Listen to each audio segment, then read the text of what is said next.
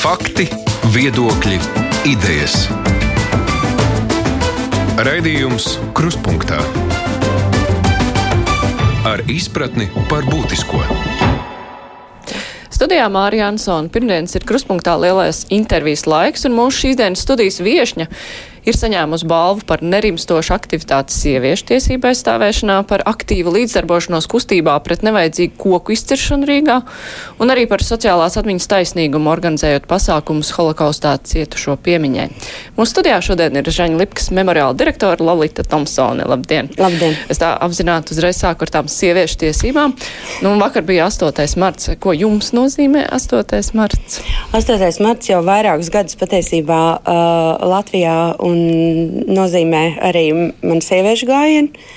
Uh, sieviešu solidaritātes gājienu, un, uh, ko rīko gan Centrs Mārta, gan uh, sieviešu stand-ups, uh, un, protams, piedalās visdažādākie cilvēki. Bet pēdējos divus gadus nedēļu pirms 8. marta ir vēl Lady Fest. Tas nozīmē, ka Kaņepes centrā notiek diskusijas par uh, uh, sieviešu aktīvistu vēsturi, uh, tikšanās sievietēm māksliniecēm, par viņu daļradi, dzējas lasījumi, filmas. Ir vēl kaut kādas paralēlas aktivitātes, kas, kas ir arī gan izklaidējošas, lai nebūtu jārunā tikai par grūtsirdīgu Latvijas statistiku ģimenes vardarbības jautājumos. Bet, nu, ja mēs runājam par sieviešu tiesībām Latvijā, nu, kā, nu, teorētiski jau viss tā kā būtu kārtībā. Un vai šajā gadījumā ir jārunā, nu, 8. martā notiek tāda vairāk runāšana par to, uh, nu, mēs solidarizējamies, sievietes, sievietes ir, tie ir tādi svētki, vai arī tomēr ir lietas, nu, kas ir problemātiskās, kuram nu, tādos pasākumos pievērš uzmanību sabiedrība? Uh, Centrs Mārta patiesībā katru gadu jau, nu, vismaz pēdējos četrus gadus, ir bijis vienmēr kāds jautājums, kas ir jau īpaši aktivizēts. Šogad tā bija klusēšana. Tas, ka tu dzirdi, kas notiek kaimiņiem aiz sienas, un tas, ka tu redzi, ka notiek kaut kādas uh, uh, zilumi un, un kliedzieni un kaut kas tāds, un tu, un tu izvēlies um, nesaukt to policiju, neie, neiesaistīties, un tu esi tas pasīvais malā stāvētājs, pateicoties arī kuram viss šī vardarbība var visapkārt notikt. Un, lai būtu skaidrs, ka mums viss ir kārtībā, mums iespējams viss ir kārtībā, tos pāris kilometrus ap vecrīgu vai piņķos un bērģos, vai kur. Uh, uh, Tas, ko parāda statistika un ko parāda arī, arī valsts policijas ziņojumi, tas, tas tieši norāda, ka tava dzīve jau nav tikai tava dzīve. Tu jau dzīvo sabiedrībā, kurā šī vardarbība ir diezgan plaši akceptēta, kur 57% uzskata, ka, nu, ja tur ir kaut kādas tādas lietas, sievietes sit vai arī vīrietis ir iespējams, tad tas ir uh, pašvainīgi. Uh, jebkurš komentārs ir pagala, zin, pagala viena nedeg, nu, gan jau kad deg arī. Ja viņu izmērcē spirtā pietiekami ilgi. Un vēl ir diezgan nepatīkams tā reakcija, ko mēs arī redzējām, tad, kad sākās uh, Mēsānas lieta komentāros. Pati vainīga, nevajadzēja to, nevajadzēja šo. Es nerunāju arī par visu rasismu, kad cilvēki nebija, protams, sagublējuši, ka Dienvidāfrikā ir arī baltie cilvēki. Un, uh, man liekas, ka tādi brīži vienmēr parāda sabiedrībā to, ko mēs labprāt neredzētu. Mums liekas, ka nu, viss ir kārtībā. Nav jau, nav jau kārtībā. Pietiek parunāt ar sociālajiem dienestiem vai, vai nezinu, valsts policijas dat, datus apskatīt. Bet, nu, pret Stambuls konvenciju ir eh, diezgan plaši iebildumi, un, eh, protams, ka nav neviens jau veicis eh, iedzīvotāju aptauju tik smalki, bet, nu, politiķi jau droši vien arī mēģina uztaustīt cilvēku noskaņojums, un pretiniekiem ir pietiekoši daudz, acīm redzot, atbalstītāju. Un parastais arguments ir viens Mēs jau bez konvencijas visu varam izdarīt. Un otrs ir nu, tā, bailes no tā pieminētā sociālā dzimuma. Respektīvi, ka ja kāds kādam sit, tāpēc, ka viņš nav attaisnojis gaidas par to, kā jāuzvedas vīrietim vai kā jāuzvedas sievietei. Nu, kāpēc ir šīs te, nu, tādas bailes no. Nu, tas ir nu, labi, es ne, neteikšu, ka tas ir papīrs, bet, nu, jā, uzrakstīt papīra formā, ka mēs apņemamies to izdarīt. Kāpēc ir no tā bailes? Ne, nu, man ļoti patīk arī šī sajūta, ka cilvēkiem šķiet, ka mēs darām visu, mēs jau darām visu. Ja mēs darām visu, un šāda Latvijā ir statistika, nu, viena no sliktākām, kāda ir Eiropas Savienībā, tad varbūt uh, ir jādara vēl kaut kas. Tad, uh, ko nozīmē Stambulas konvencija. Acīm redzot, tas nozīmē arī, ko, lai būtu vesels likuma kopums, kas tomēr uh, šos upurus pasargātu un tieši pasargātu neatkarīgi no dzimuma. Viens no uzbraucieniem, ko parasti sieviešu gājienos saņem, nu, bet runājot arī par vīriešu tiesībām.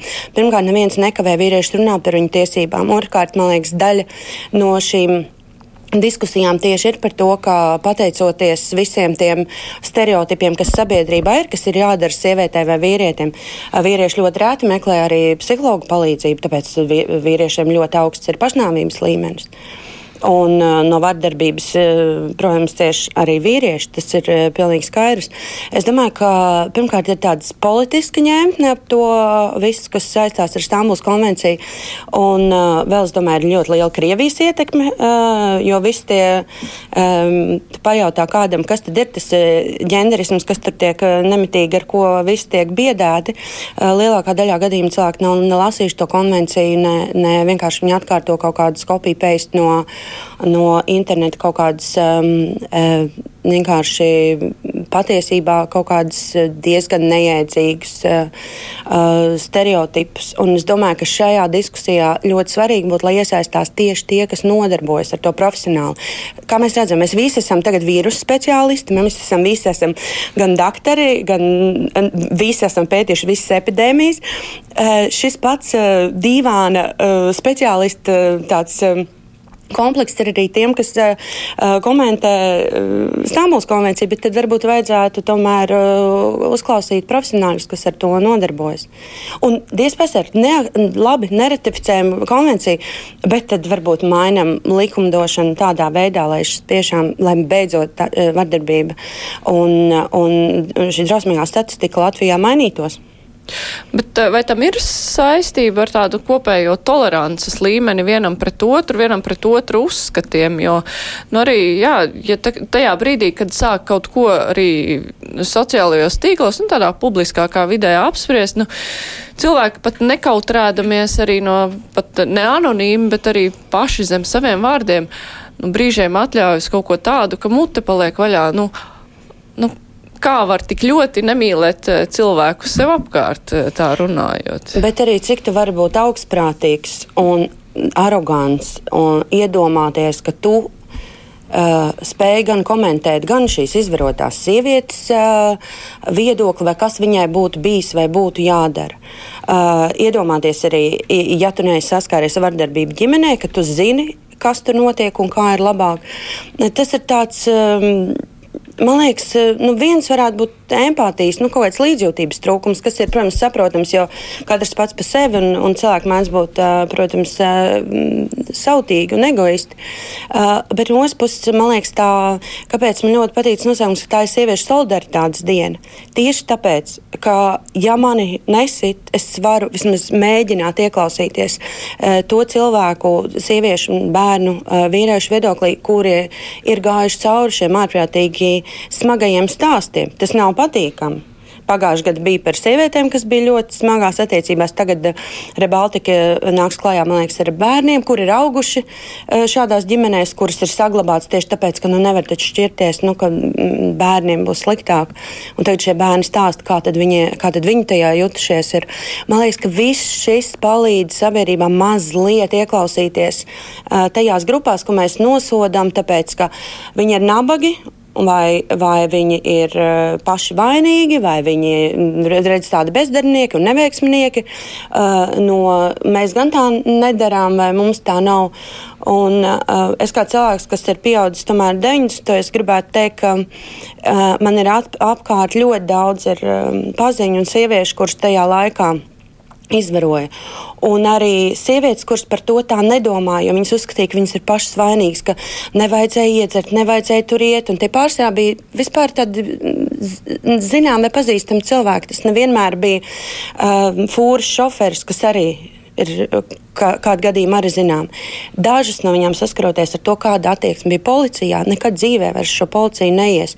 Un tāpēc teikt, ka tie rādītāji ir pārspīlēti, tas, ko es no savas, protams, arī anekdotiskās pieredzes varu teikt, ir, ka es domāju, ka mums rādītāji nav ne tuvu, vispār neatbilst realitātei, kā, kas, kam patiesībā sievietes 90. un 2000. gadu sākumā ir gājušas cauri, jo attieksme bija ļoti, ļoti nievājoša, ja tu gāji uz policiju kaut ko tik nenozīmīgu sūdzēties kā kā izvarošana, vai kur nu vēl uh, vienkārši, ja tev ir apgrābstījuši vai, vai uzbrukuši mežā un tev nav vispār nekāda pierādījuma. Bet vai tagad uh, šī attieksme ir uzlabojusies?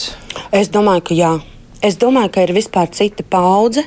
Uh, es domāju, ka arī policistus apmācīs. Tas, ko um, bija saimā, arī bija uh, diskusijas pirms uh, pāris gadiem par, uh, par, um, par vardarbību tika runāts. Un, man liekas, ka tomēr policistiem šobrīd ir uh, apmācības, un arī varbūt uh, sabiedrība pati saprot, ka ir iespējams, ka uh, no valsts var meklēt aizstāvību un ne tikai uh, mēģināt valsti netraucēt ar tām savām niecīgajām problēmām.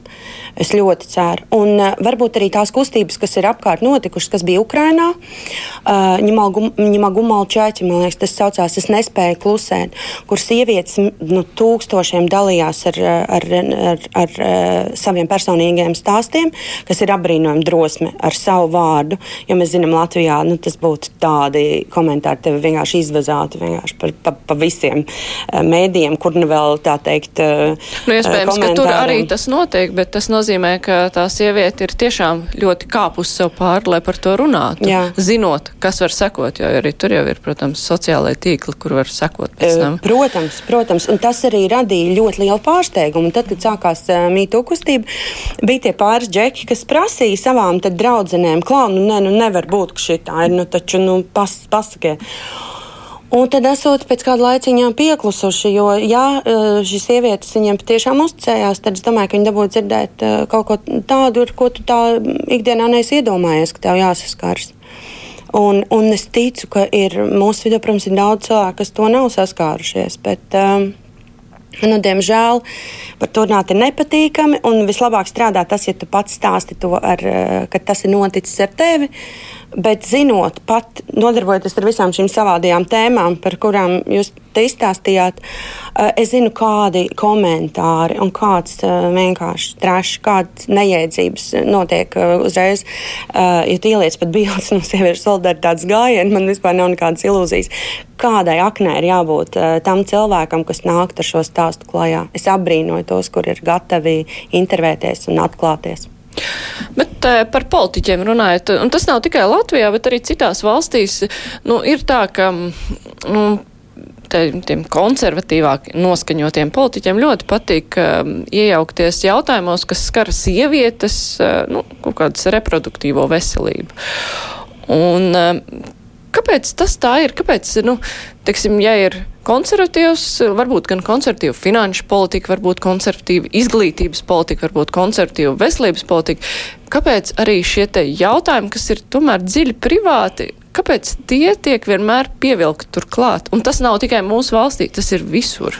Uh, jā, un tad pēc tam, kad šos politiķus mēģina aptaujāt par uh, mēnešu reizēm, par ovulāciju, par to, vai paliks stāvoklī pēc izvarošanas, dažādas citas lietas, saprotu, ka nu, varbūt viņi ir botāniķi, bet uh, anatomijā viņi visdrīzāk ir zaņēmuši diezgan sūdīgu atzīmi, tāpēc, ka nav īsti tās zināšanas vispār ir stīpri neskaidrs par to, uh, par sieviešu reproduktīvo sistēmu. Bet tas, protams, nevienu nekavē pieņemt uh, dažādus lēmumus un runāt kā lieliem speciālistiem. Nu, tā ir. Tāpēc uh, visabsurdākās, protams, izstāsta vienmēr valstīs tās bildes, kur, kur likumdošana, kas tieši attiecās uz sievietēm, nu, kas būtu vai no abortu jautājumi, vai, vai izsargāšanās jautājumi, vai arī par, teiksim, par nodokļiem, kāpēc mums ir tik augsti nodokļi uh, menstruāciju produktiem, kur, no kurus īsti nav izvēles, tev viņas ir jāpērk. Nu, es, protams, saprotu zero vēst lupatiņas, bet nu, ir diezgan sarežģīta šī lieta. Un uh, tad pēkšņi viss ir, uh, viss ir savādāks, jo ir skaidrs, ka visām sievietēm ir jābūt ir mātēm un jādzemdē ir uh, bērni. Bet kā tas īsti notiek? Kāda ir veselības aprūpe, kāda ir bērnu pabalsti, vietas dārziņos, kāda ir, kāda ir tā sociālā palīdzība? Tām sievietēm, kuras ir izlēmušas dzemdēt, un viņas ir pamestas. Tas, ka mums ir Ali, alimentu nemaksātāji, cik bija? 40 tūkstoši bija pagājuši gadu, pa, viņu parāds mums visiem ir 300, 320 miljoni 2019. gadā. 320 miljoni. Un tie ir, lai mēs reiz neteiktu, tātad 95% ir vīrieši. Un uh, nav skaidrs, kā mēs tad, tad kā valsts varam to no šiem cilvēkiem vispār kaut kādā veidā dabūt ārā, un vēl pierunāt, ka viņiem jāmaksā pašiem saviem bērniem.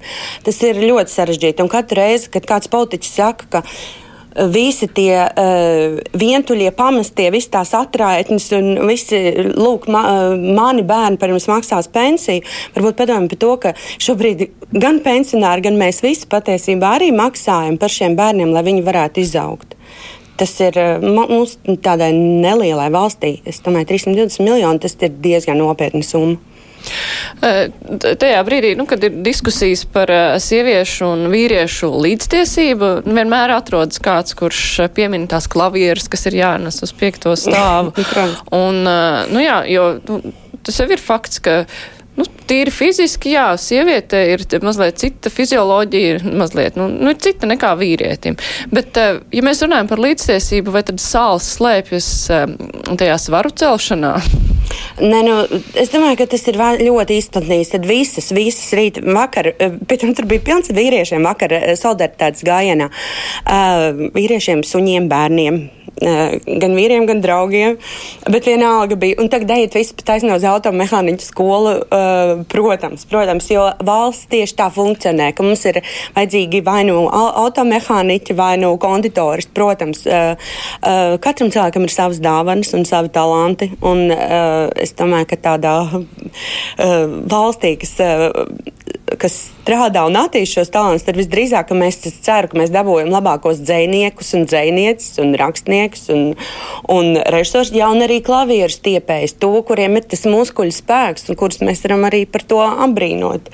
Uh, jo man ir bijuši kolēģi vīrieši, kur, kuriem ir grūti, jo viņiem ir muguras problēmas un es tos krēslus varu panest un viņi nevar. Un tas, ir, un tas ir tieši tā, ka neviens nestāv un augstprātīgi nesaka, uh, nē, nu es jau nezinu. Kādreiz jau vīrieši bija vīrieši, un tagad es nezinu, kas ir noticis. Jā, bija, bija mēs visi bijām kādreiz sievietes mirga dzemdībās, un nevajag teikt, ka, ka to laiku viss situācija bija labāka vai vieglāka. Ir vēl otrs tās, nu, tad iesiet dienēt armijā tāpat kā Izrēlā. Bet, Kā Izrēlā attīstījās šī tradīcija, nu, ka sievietes iet un dienu, un, un obligāti turklāt iet? Jā, jā, bet ne visiem, gan vīriešiem, gan sievietēm ir izvēle. Jā. Tas drīzāk ir arī tāds sabiedrības spiediens, ka jebkurš pilsonis, kam tā valsts ir svarīga, iet dienēt. Tu vari izvēlēties alternatīvo dienestu, tu vari strādāt gan, gan ar cilvēkiem ar īpašām vajadzībām, tu vari pasniegt valodu Etiopijas, no Etiopijas atbraukušiem jauniem studentiem, tu vari izvēlēties dažādas lietas, ko darīt patiesībā. Un ir arī cilvēki, kas apzināti to izvēlas. Un reliģiozās meitenes parasti gandrīz neizvēlas kalpot armijā. Uh, bet, uh, bet uh, nu, lielākā daļa vīriešu, izņemot arī no ļoti reliģiozām visām tām mm, skolām, mācību iestādēm, protams, armijā kalpo un uh, vīrieši trīs un sievietes divus gadus, un attiecīgi tie, kas taisa karjeru armijā, tad bieži vien ilgāk. Uh, Armija palīdz apmaksāt arī mācības, un tur, protams, ir ļoti daudz ir arī atbalsts šiem cilvēkiem, kas to dara. Un tas nav tā, ka tu esi aizgājis, un tad ir sākās kaut kāda ģedavšana par tevi ņirgājas, un tad tu tur brauc cilvēki reizēm uz šabatu, nu, uz to ģimenes vakariņām ir mājās, un reizēm, protams, nē.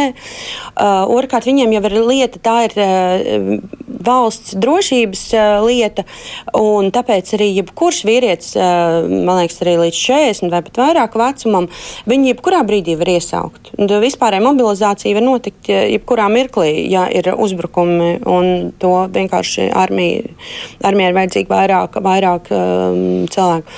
Bet cilvēki un, par to tā nešumējās, jo, ne. nu, tā, tagad, kad arī nu, pēc Ukrainas notikumiem arī daudzus iesauc, nu, kuri dienējuši armijā mm -hmm. karēs un atvaļinājušies, nu, ka viņus aicināja uz tām mācībām, un bija, nu, bija neapmierinātība, jā, kāpēc man jāiet uz tām mācībām, kāpēc es tiek rauts laukā no savas uh, dzīves, un, un tad man sūta, un darba devējs varbūt man nesaprot.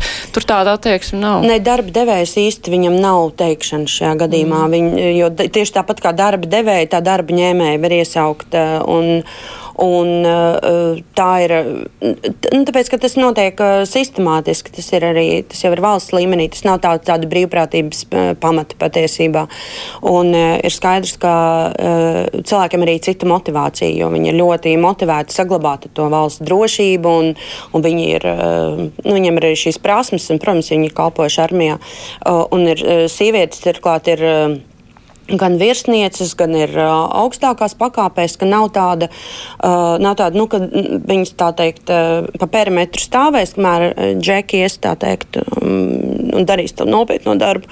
Uh, ir, protams, arī sievietes sekretārs, kas pienes kafiju, un arī vīrieši. Sekretāri, tos, kas sauc par džobnikiem, viņiem, mm -hmm. jā, mhm. tie, tie, kas dara visus tos darbus, kas ir, lai armija varētu funkcionēt, kas, protams, arī notiek. Bet uh, patiesībā, protams, uh, attieksme ir uh, tāda, ka kas to darīs, ja ne mēs? Nav jau tāda cita armija, kas to varētu darīt.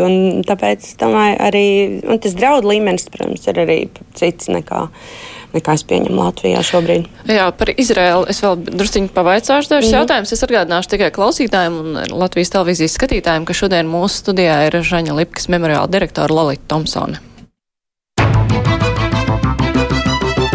Raidījums Krustpunktā. Jā, jūs tur nodzīvojāt 14 gadus. Jā.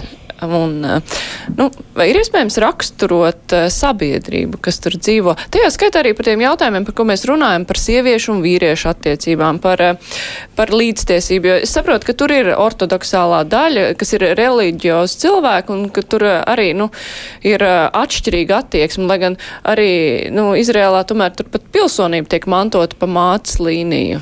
Nē, tā nav pilsonība. Pilsonība var iegūt, sinagogā... ja ir bijusi vecmāmiņa, piemēram. Jā, ebreja, jā, jā, jā. no abām pusēm turklāt mm -hmm. vecmāmiņa. Tur ir ļoti sarežģīta tā lieta, ka, eh, ja tu gribi uh, laulāties uh, vai bērēties caur jūdaismu tradīciju, protams, ļoti uz, svarīgi, lai tā māte būtu bijusi ebrejieta.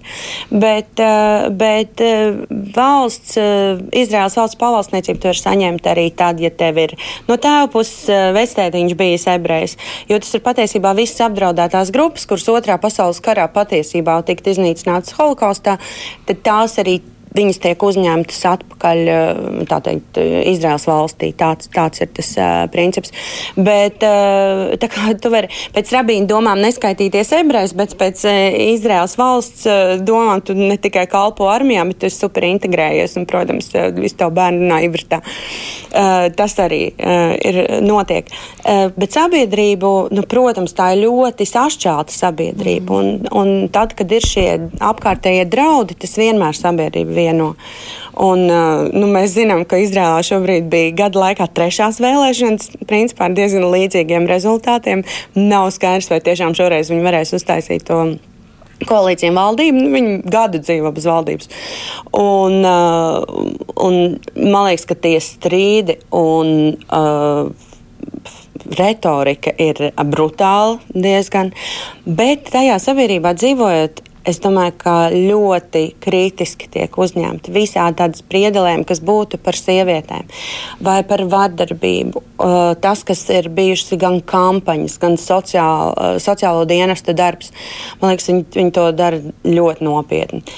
Mani pārsteidza tas, ka atbraucot no Izraēlas, man Latvijā likās, ka Dievs, cik brīvi šeit cilvēki var vispār izplatīt naida runu bez kādām konsekvencēm. Ne, politiskajā laukā, ne kur nu vēl tādā vienkārši komentētāja.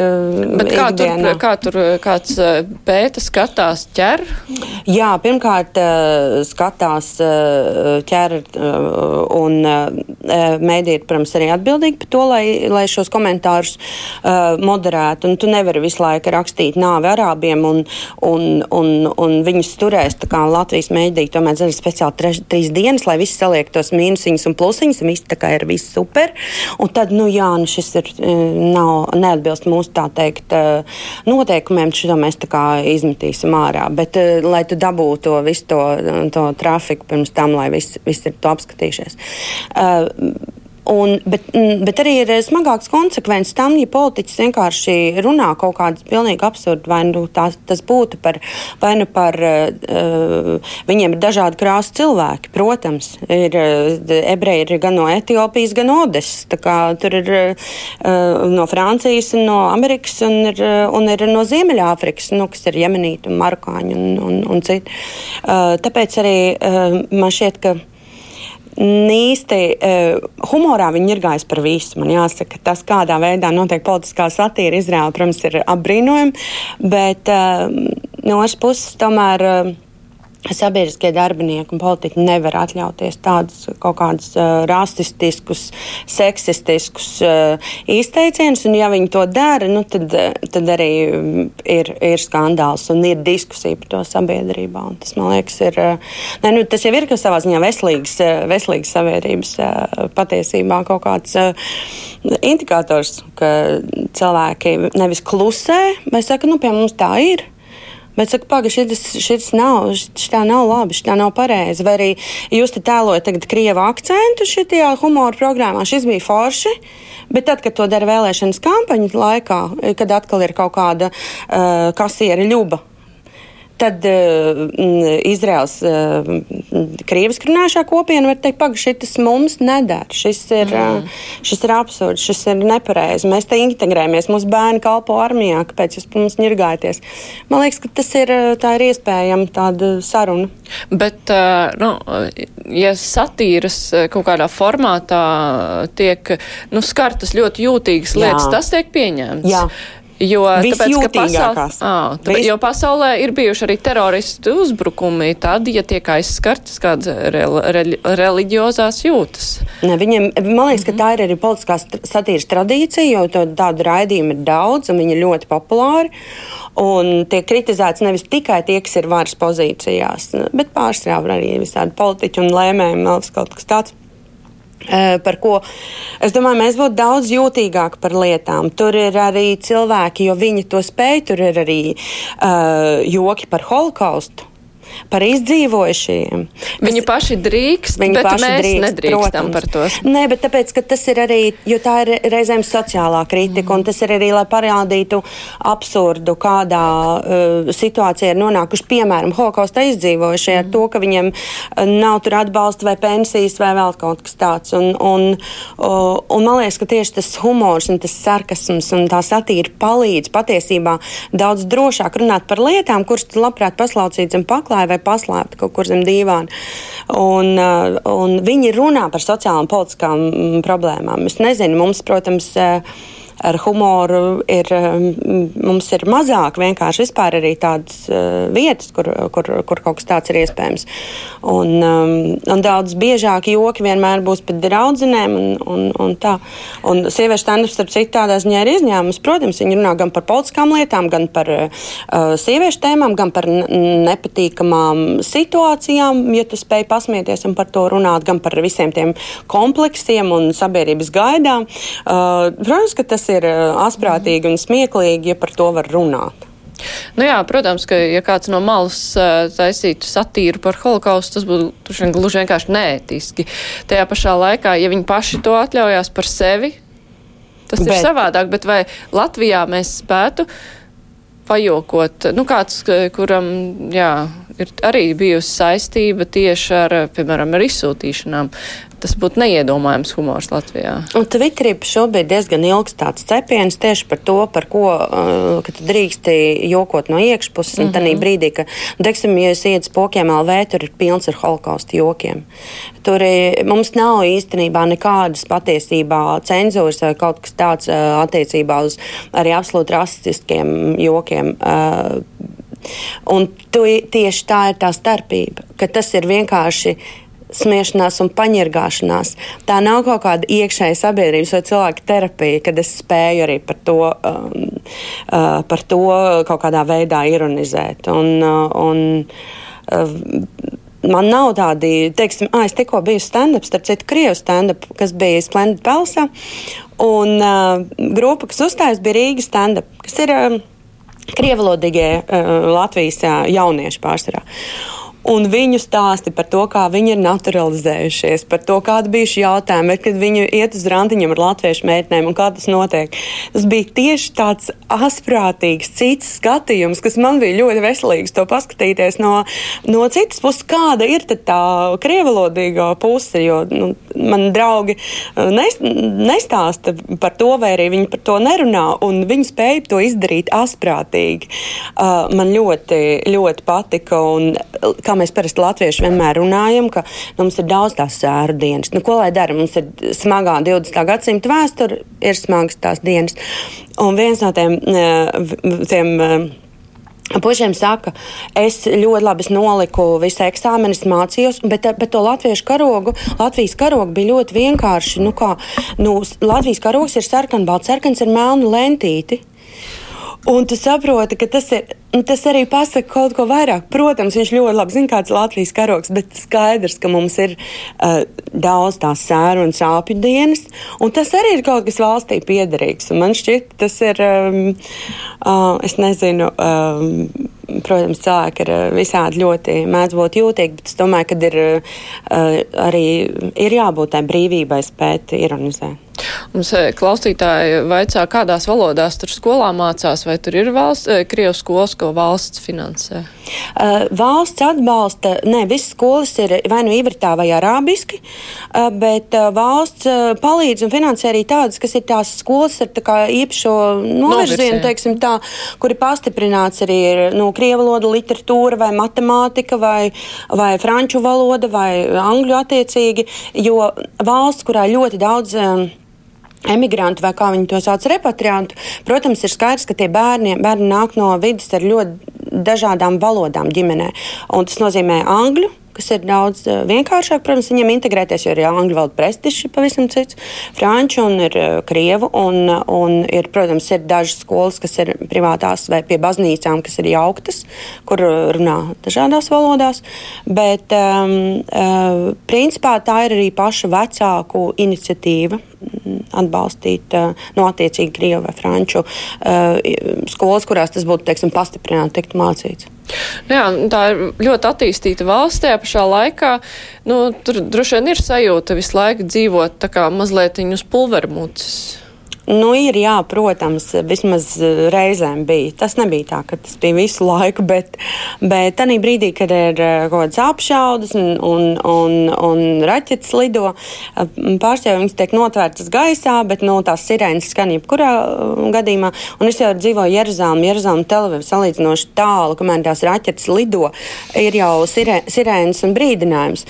Cilvēkiem, kas dzīvo pie robežas, attiecīgi ziemeļu vai dienvidu, tur ir nu, pavisam cita situācija. Tur ir ļoti īss un, un, un, un, un tas notiek. Eh, eh, tā ir, bet ir skaidrs, kas tev ir jādara, bet. Um, Es nevarētu teikt, ka es dzīvoju bailēs. Eh, tas, kas bija visdrausmīgākais, tur bija tie um, pāris gadi, kad notika, ka bija intifāda, kas ir 2000. sākums, uh, kad visu laiku sprāga autobusu ielās. Tas bija diezgan smagi. Un, jo tu visu laiku nepaspēji uz to autobusu, vai viņš ir aizbraucis garām. Un tad, uh, un es strādāju Radio Brīvā Eiropā un taisīju tieši nu, toreiz pa telefonu. Principā tu stāsti, kas notiek, ko cilvēki saka, kādas ir reakcijas. Un, un, un, protams, tie skati bija baisi. Un arī apbrīnojama izturība uzspridzina kafejnīcu, un viņām burtiski pēc mēneša ir atkal kafejnīca. Nu, tas ir, vai arī sabāro pīca viņiem bija tāda vienkārši. Nu, mums jau sen tur būtu vienkārši kaut kāda sērvieta, nu, kā, jo mēs tā bet tajā brīdī, kas notiek tik daudz un visapkārt, protams, tā reakcija ir savādāka. Un tad bija, protams, tad vietām bija gan bailes, gan, gan paranoja, ka tev liekas, tu iekāpsi tajā autobusā un, tu, protams, tev kaut kas notiks.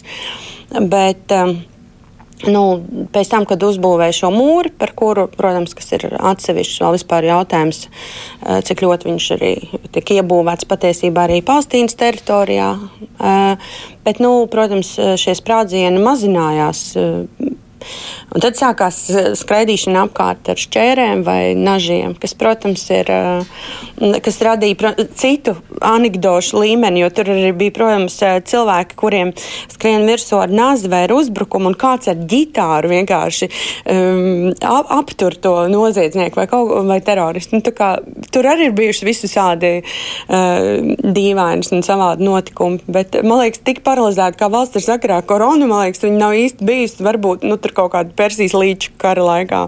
Bet jūs minējāt pirms raidījuma, ka nu, nu sadarbojās Palestīna ar Izraēlu. Jā, jā, tagad īpaši ir tāpēc, ka Izraēla, man liekas, ir 40 šobrīd slimi cilvēki. Ar, nu, tas ir tā milzīgi turisma uh, gala mērķis. Nu, tur uh, kristīgie cilvēki brauc. Uh, svētceļojumos. Un skaidrs, ka viņi visi tur maļās, visi pa Jēzus kapsis pieņem, ka ir viena no šobrīd iespējams svētākajām vietām, bet arī varbūt arī bīstamākajām. Jo, protams, tur viss ir ļoti blīvi brīvi kopā. Un, ir, un tas nozīmē, ka visiem, kas vada būsiņus, kas ir gīdi, skaidrs, ka viņi visi ir apdraudēti. Tas nozīmē, ka Bēltlemē un Palestīnas teritorijā, man liekas, bija ap 20 cilvēki vēl vakar, un uh, Izraels pusē šodien jau bija 40. O, Izraela apgādā, protams, Palestīnu ar, ar visiem tiem testiem, kas ir vajadzīgi, lai, lai noteiktu, kad, kad ir uh, koronavīrus, un viņi sadarbojas, protams, gan slimnīcu, gan, gan, gan citos gadījumos, jo šajā gadījumā ir kā robeža bet nu, mēs zinām, cik viņi ir gan sarežģīti, gan nu, tāda nenoteikta. Un, uh, šobrīd ir, man liekas, ka viņi neielaiž reisus no ļoti daudzām valstīm un taisīs, aiztaisīs, laikam, gatavojas. Uh, viss, kas ielido, visiem ir, būs jāsēž karantīnā divas nedēļas. Un, un no Amerikas viņi taisās apturēt reisus, jo viņi netic, ka Amerikā ir pietiekami stingri tā pārbaude tiem, kas ir slimi. Pa Krieviju viņi tic, jo Krievijā tur tik maz uh, saslimšanas gadījumu fiksētu. Tur arī ir problēmas. Nu, tik, cik, cik es esmu dzirdējis uh, diskusijās, nu, kas ir arī tieši tāpat, viņam puse ziņas pēkšņi vairs nav ne bibija, ne vēlēšanas, nekas ir vīrus, ir viss paņēmis, kas ir saprotam, protams, un, un viņi teica, jā, ka Krievijā uzticība ir ļoti maza, tāpēc, ka nav izskaidrs, kas notiek pie Ķīnas robežas, cik daudz ķīniešu patiesībā atrodas Krievijā, cik ļoti tiek kontrolēts lidostas. Protams, tas aizdoms jau šobrīd ir par visiem. Slavenākā Izraels dziedātāja, kas uzvarēja Eirovīzijā, sēž šobrīd karantīnā un, un Facebookā liek tādus uh, video, ko viņi dara, kā viņi liek pūzli, un tad viņa rauda, viņai drausmīgi skumīgi, un tad viņa atkal mēģina saņemties, jo tā, nu, viņai, Kur tad viņi sēž tajā karantīnā? Mājās. Mm. Bet uh, Izraels uh, iedzīvotāji ir tādi likuma paklausīgi, jo kārtīgs latviečs rūt arī izskries uz bodi, ja jau neviens nepieskata. to lasījām, ka kāds teica, man pasludināja karantīnas aizgājis veikalu, visu sapirkt, pirkt un tā gājas māju. Uh, Izrēlā diezgan brutāli. Viņiem ir, man liekas, septiņi gadi ieslodzījums, uh, tiek draud par to, tu pārkāp karantīnu. Veselības dienests, nu, kas ir veselības mm -hmm. vai kā, kāds saucās ministrijas, piegādā ēdienu un, un pārtiku, un tur ir, nu, ir principā viss tā atbalsta sistēma, lai tu tajā karantīnā varētu sēdēt. Un, un šobrīd ir atcelta viss, tagad ir purim svētki, viss parasti lielākie karnevāli, ielu ielas tiek slēgtas, visi tur dejo un svin. Viss ir atcelts. Vienkārši viss, viss, visiem jāzina klusām. Tā klusām varbūt ne, bet nu pa mājām. Un, jo ir bail, ka tie cilvēki pulcējas un, un, un ir vai futbola spēle vai kaut kas tāds. Un, un, un ka tas, tas, nu, ka tā būs ļoti daudz uh, saslimšanas gadījumu. Un tāpat tagad tur uh, nav viegli, un varbūt viņiem šī panika palīdzēs kaut kādā veidā to, protams, apstādināt, to vīrusu izplatību. Es nezinu. Jā, tagad jūs uh, savulaik atgriezāties no Izraels, tad uh, Žaņa Lipkas muzejs uh, memoriāls jūs atrad vai jūs meklējāt? Pirmkārt, Lipkas memoriāls bija pirmā vieta, kur es aizgāju apskatīties, kas Latvijā ir ja atkal uzcelts, atvērts, ir, ir kaut kas brīnišķīgs patiesībā un svarīgs noticis. Un es biju Lipkas memoriālā un es satiku tur toreizēju direktoru, kas tagad dzīvo Valencijā. Un, uh, un viņi mūs izvedāja pa muzeju, bija ar savu izraēļu draugu. Un tas bija nu, tiešām tāds liels uh, pārdzīvojums. Es viņiem teicu, ja kas, ja jums reizēm vajag, tad es runāju ivritā, un varbūt, kad ir vajadzīgs kaut kāds tūris vai kaut kas tāds, kas varētu palīdzēt, vai ar dokumentu kaut kādu uh, varētu iesaistīties. Jo man liekas, ir, uh, tas ir. Uh, lielisks muzejs, bet arī ļoti svarīga tēma vispār eh, ebreju glābšana un, un, un tas uh, holokausts stāsts Latvijā. Uh, kas ir, protams, ja tu dzīvo Izrēlā, tas pirmais, ko tu saskaries, to stāstu, ko cilvēki ir izdzīvojuši, vai viņu radnieki Latvijā Vācijas okupācijas laikā. Un tad vēlāk es jau mani uzrunāju. Uh, uh, Marta Kriveta, kur teica, ka Mārcis Gāzes meklē kādu, kas varētu strādāt Līpkas memoriālā un arī tur uh, vadīt. Un es teicu, nē, vadīt jau nu neko es nevadīšu, bet uz interviju noteikti varētu aiziet. Un, un mēs divas stundas runājām ilgi un pamatīgi. Un viņš teica, nu tad rīt uz darbu. Un, es sāku vienkārši uh, sāku kā um, gids un, un, un, un, un projektu vadība un tādas lietas. Un tad uh, pagāja laiks, un tad es arī kļuvu par Lipkas memoriālu direktoru. Tas nebija tāds kā pats par sevi saprotama lieta, bet man, protams, likās ļoti, ļoti svarīgi. Nu, varbūt īpaši tāpēc, ka pēc tam, kad es dzīvoju Izrēlā un ir saticis tos holokaustā izdzīvojušos, un arī viņu atmiņas dzirdējis un ģimenes stāstus. Uh, pilnīgi sādāk, protams, skaties gan uz Rīgu, gan to, kas ir noticis, un gan to, kāpēc viņiem nav radinieku. Kāpēc viņiem nav radinieku? Tāpēc, ka visi guļ rumbulā vai šķēdē vai, vai daudzās citās mazpilsētās, mežos turpat. Un, un, un tā, un tas arī liekas diezgan neaptveram, ka vairāk nekā 90% Latvijas ebreju vienkārši tiek iznīcināti patiesībā nu, pusgadu laikā lielākā daļa. Un, un, protams, ir arī jāsaskarās ar visu to, kas ir diezgan izplatīts uzskats, ka to visu latvieši izdarīja paši, bez, bez nacistu atbalsta, ka nekad vācieši nebija vajadzīgi. Un ar to nākas visu laiku arī saskarties un skaidrot un runāt. Un, un tas, Izrēlā? Uh, Izrēlā šeit, šeit pat Krievu mēdījos tas ir ļoti, ļoti izplatīts stāsts. Mēs arī muzejā rīkojām diskusiju par to, vai, vai Latvija bija Judenfrai brīva no ebrejiem pirms ienāca vācieši. Dažādas šitās uh, mītus tu mēģini atspēkot, atspēkot ar uh, ar vēstures faktiem, bet nu, mēs zinām, ka šādās diskusijās tu vari mēģināt tikai pārliecināt tos, kas šaubās, tie, kas ir paši tik ļoti pārliecināti. Un īsti tu nevari neko iebilst, ja tev saka, bet man vecmāmiņa tā stāstīja.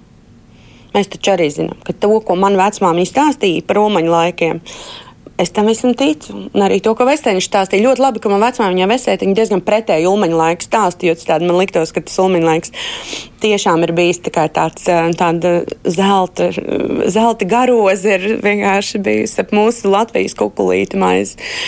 Ļoti labi, kad ir bijis arī ģimenē pretēji stāsts.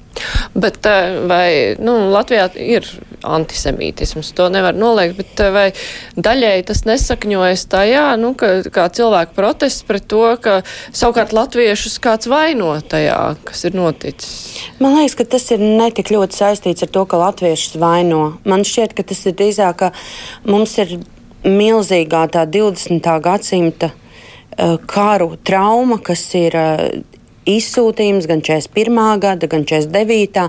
vai mums tur paliek vieta kādiem citiem cilvēkiem un viņu sāpēm un viņu zaudējumam, īpaši tāpēc, ka ebreju kopiena Latvijā ir neliela, pat tad mēs mēģinam šķirot, kuri bija tie, kas atbrauc no Padomju Savienības un kuri tie mūsu vietējie. Un mēs tā kā par, par Hurinu kungu, Vestermaņu kungu, to mēs tā kā tie mūsējie, un jā, un uh, direktors uh, muzeja vadītājs tas tā, tā kā, nu, ģimene no prēļiem, tā kā tie tie mūsu tie Latvijas ebreji, bet te mēs sāksim šķirot, kuri tad ir atbraukuši.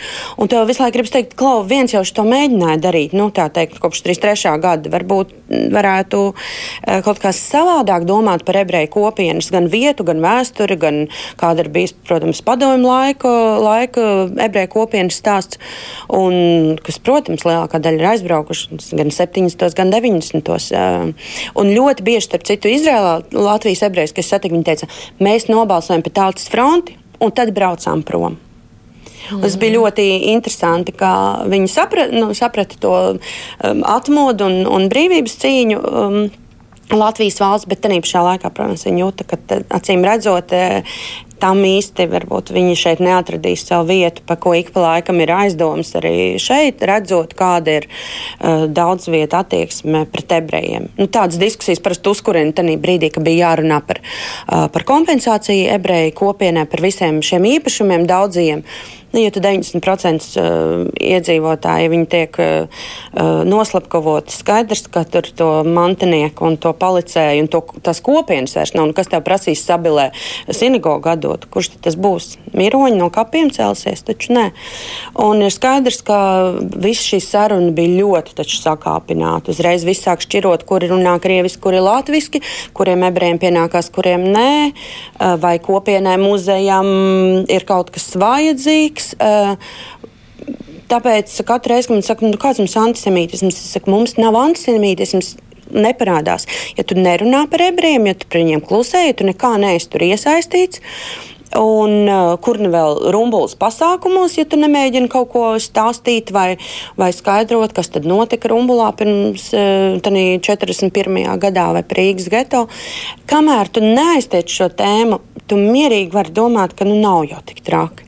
Tajā brīdī, kad ar to nākas saskarties, un vienkārši man darbs arī ar to ir saistīts, um, man bija jā, diezgan jāuzaudzē tāda. Nu, mm, tāda bija mazliet uh, bieza āda. Tāpēc, ka citādi tas vienkārši ir vai nu tev ir jābūt visu laiku kaut kādā izmisumā par to, ko tev cilvēki raksta un kā viņi reaģē. Nu, droši vien, ka tas ir arī visgrūtākais neieslīgt emocijās, bet Jā. mēģināt racionāli diskutēt ar cilvēkiem, kuri ir pilnīgi pretējās domās par kaut ko. Un viņi jau drīz neviens no viņiem neliek just līdzi holokaustu upuriem. Uh, protams, nav, nav, nav jau tādas lietas, bet tajā brīdī, kad tev raksta, vai Izrēlā piemina latviešu izsūtīšanu, tad tu saproti, ka šī domāšana ir nevis par Latvijas ebrejiem, kur bija daļa no Latvijas valsts, kur piedalījās brīvības cīņās, kur bija daļa no vispār šīs auduma un viss tā, no kur mēs tad veidojām šo valsti. Viņa bija daļa no tiem, tāpat kā Poļi, Baltkrievi un, un, un, un noteikti daudz citi bet mēs par to domājam, ka ir kaut kādi mistiskie vispārējie ebreji, un ka viņiem tur kaut kur Izrēlā ir jāpiemina izsūtījums.